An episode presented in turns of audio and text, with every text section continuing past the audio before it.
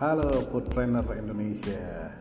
Welcome to podcast Q&A session Foodies Media Community. Foodies, the first F&B education platform in Indonesia. Ya, ketemu lagi teman-teman kuliner di seluruh Indonesia dalam podcast Foodies. Hari ini sesuai janji kita, jadi kita akan jawab uh, berbagai pertanyaan yang masuk ya ke dalam uh, di Foodies Media Community jadi sehingga nanti teman-teman juga bisa sama-sama belajar ataupun kita sama-sama sharing uh, terkait dengan pertanyaan-pertanyaan yang masuk gitu. Oke, sekarang saya akan jawab dulu empat pertanyaan biar tidak terlalu panjang yang udah masuk ke dalam uh, apa namanya Foodies Media Community. Nomor satu, uh, bagaimana meningkatkan sales revenue setiap bulan? Ya, ini pertanyaannya hmm, agak cukup unik ya. Karena gini dari awal tahun itu sales itu seharusnya sudah disetting. Jadi let's say kita misalnya eh, mau sales selama Januari sampai Desember itu nilainya X. Nah itu kita udah setting harusnya dari awal. Sehingga tidak perlu lagi kita uh, menyeting uh, revenue itu setiap bulan. Karena sudah di awal tahun harusnya sudah dikerjakan gitu ya Nah, jadi teman-teman kalau yang belum menyusun sampai akhir tahun, ini masih bulan Maret, ayo disusun sampai akhir tahun karena kalau kita menyusun bulan by bulan, nanti kita nggak pernah tahu uh, big numbersnya itu seperti apa bisnis kita, gitu ya. Karena PR paling besar itu adalah nanti mempertahankan sales yang ada setiap bulannya ya. Jadi kalau misalnya awal tahun kita udah setting, oke okay, sales saya harusnya 100 juta nih sebulan tiap bulan ada peningkatan satu persen. Nah, berarti sudah ada target sales yang memang harus dicapai. Gitu. Nah, sehingga nanti ketika sudah berjalan bulan, nah kita tuh harus mikirin uh, sales ini platformnya apa aja ya. Maksudnya platform sales itu misalnya program-program yang harus kita kerjakan selama setiap bulan sampai akhir tahun itu sudah dipetakan dari awal dimasukkan ke dalam sebuah marketing kalender. Marketing kalender itu gampangnya kotak-kotak eh, tanggal 1 sampai tanggal 31 lah intinya. Misalnya tanggal 10 ada lonceng menu, tanggal 12 ada kegiatan diskon, tanggal 28 ada event. Nah, itu itu eh, marketing kalender ya. Nah, jadi setiap bulan itu kita harus eh, bikin marketing kalender dan kemudian kita masukkan marketing program di dalamnya marketing program itu bisa macam-macam. Bisa diskon bisa promo di Instagram bisa pakai influencer untuk promoin produk kita bisa untuk uh, bikin paket catering bisa atau juga luncurin menu baru. Nah jadi sudah harus dibuat secara detail. Jadi jangan dipikirin eh bulan depan ngapain lagi ya? Seharusnya sudah dibuat minimal buat per tiga bulan deh untuk bisa dievaluasi ya Nah, jadi coba biasakan teman-teman punya marketing kalender yang di dalamnya ada marketing program yang terkait bagaimana kita bisa mencapai sales setiap bulannya sampai akhir tahun atau setidaknya sampai tiga bulan ke depan. Ya, itu yang pertanyaan pertama. Oke. Pertanyaan kedua, bagaimana meningkatkan penjualan di tengah persaingan bisnis kopi saat ini?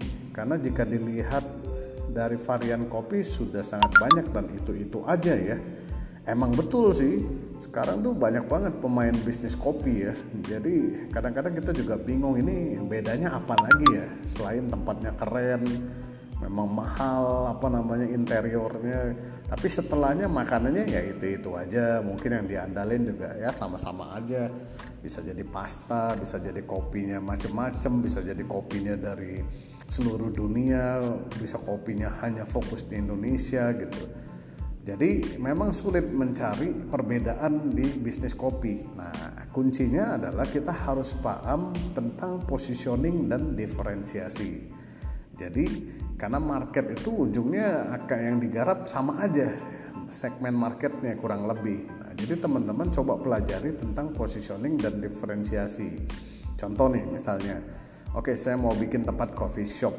Oke, saya mau bangun positioning di mana uh, coffee shop saya ini terkenal banget dengan girl power atau cewek power gitu. Coffee shop yang stand for buat cewek banget gitu. Jadi positioningnya jelas bahwa uh, we are supporting girl atau we are supporting uh, cewek banget. Nah, diferensiasinya nanti seperti apa?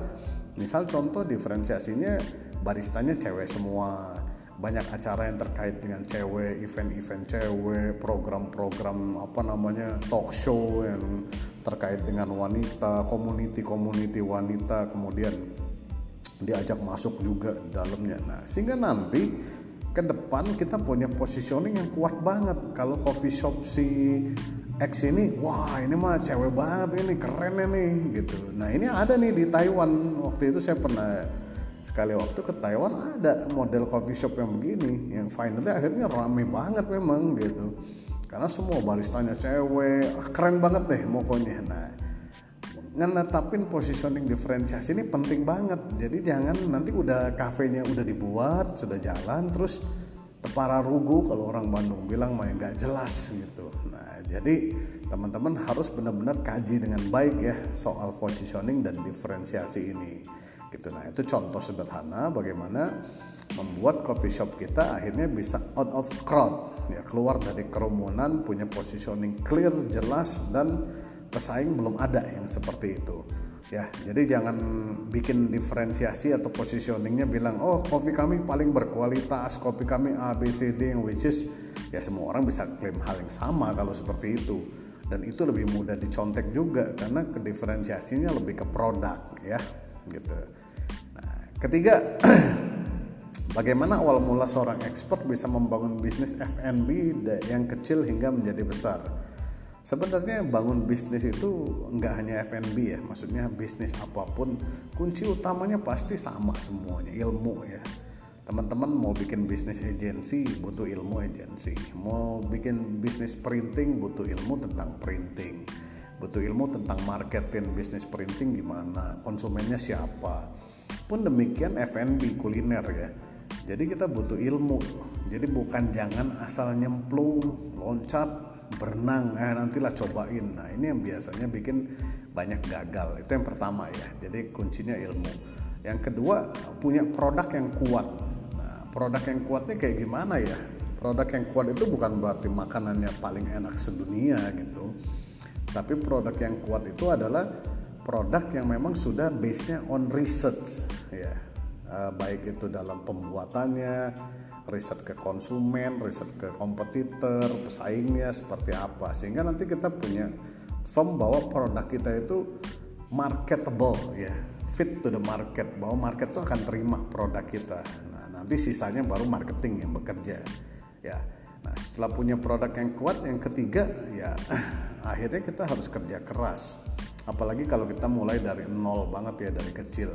Kerja keras dan belajar keras itu udah nggak bisa paling dihindarin. Karena memang bisnis kuliner ini mudah dimasukin tapi pada prakteknya untuk bisa survive itu sulitnya luar biasa ya. Karena gampang banget masuk ke dalamnya. Setiap hari bisa ada kompetitor baru yang keluar. Jadi kita memang harus live for apa namanya survival itu day by day gitu belajar kerja keras uh, bikin lagi apa namanya ide-ide inovasi terus saja uh, selalu berputar. Nah, jadi kalau bertanya soal membangun bisnis dari awal, nah ini bukan rocket science kok. Semua orang menjalankan hal yang sama sebenarnya. Ilmu, produk yang kuat, kerja keras ya dan belajar dengan keras gitu. Nah, itu yang ketiga ya. Oke, pertanyaan keempat, bagaimana cara mudah menemukan lokasi usaha kuliner? sebenarnya eh, nggak uh, susah-susah amat ya gitu. Yang susah itu nanti prakteknya sih gitu. Jadi nomor satu nih kalau mau nentuin lokasi lihat di mana keramaian yang sesuai dengan kriteria target market kita. Misal kita mau bikin coffee shop yang target marketnya mahasiswa ya cari dekat-dekat kampus dong gitu kan. Tapi kalau kita jualan ayam uh, kampung misalnya target marketnya ada fam adalah family mungkin lokasinya lebih cocok daerah yang memang market eh, ibu-ibu uh, atau keluarga atau orang kerja itu banyak di situ. Nah, kalau mahasiswa mungkin nggak cocok. Kenapa? Karena ayam kampung mahal. Ya, nah jadi itu yang pertama. Jadi lihat di mana keramaian yang sesuai target market kita.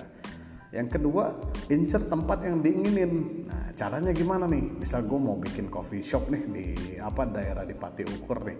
Gue butuh tempat di sini nih. Nah kalau kita cari-cari pasti belum tentu ada yang disewain kan? Nah, jadi saya kasih tips nih. Teman-teman bayar tukang parkir di daerah situ. 100 ribu 200 ribu nanti bikin deal. Pak kalau bab nanti ada yang mau disewain atau kira-kira mau lepas tempat infoin ke saya pak nanti kalau deal nah, ke depan saya juga kasih tambahin 2% nih. Ini persekot aja nih 200 ribu di awal. Nah ini works loh. Jangan salah loh. Saya berapa kali works di Bandung untuk cari lokasi yang seperti ini ya. Nah yang ketiga terakhir mukbok. Nah, kalau mau cari lokasi itu mukbok. Mukbok itu apa? Muka tembok pokoknya lihat ada rumah ada warung biar nggak disewain biar nggak ada tulisan disewain datengin aja tanya ini bakal disewain nggak? Mau disewain nggak? Dan segala macam paling jelek sih diusir atau diomelin ya. Tapi bisa jadi dengan mukbok ini tiba-tiba nanti eh ketemu ownernya. Eh kebeneran nih kayaknya mau disewain. Ya dapat deh kita jackpot kalau di situ.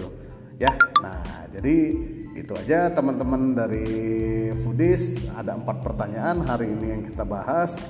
Nanti kita lanjutkan lagi dengan pertanyaan-pertanyaan yang banyak banget masuk ya. Tapi insya Allah akan selalu kita buatkan uh, podcastnya agar teman-teman bisa belajar bareng dan juga bisa makin dunia kuliner F&B di Indonesia ini makin bisa sukses dan ya insya Allah lah satu hari mungkin karena belajarnya dari foodies ada brand yang bisa go global gitu. Ya, jadi thank you sudah mendengarkan. Yuk ajak teman-teman semua untuk kenalan dan join telegram channel foodies media biar bisa dapat update ilmu bisnis kuliner setiap hari. So selamat jumpa sampai jumpa lagi dan sukses untuk bisnis kuliner di Indonesia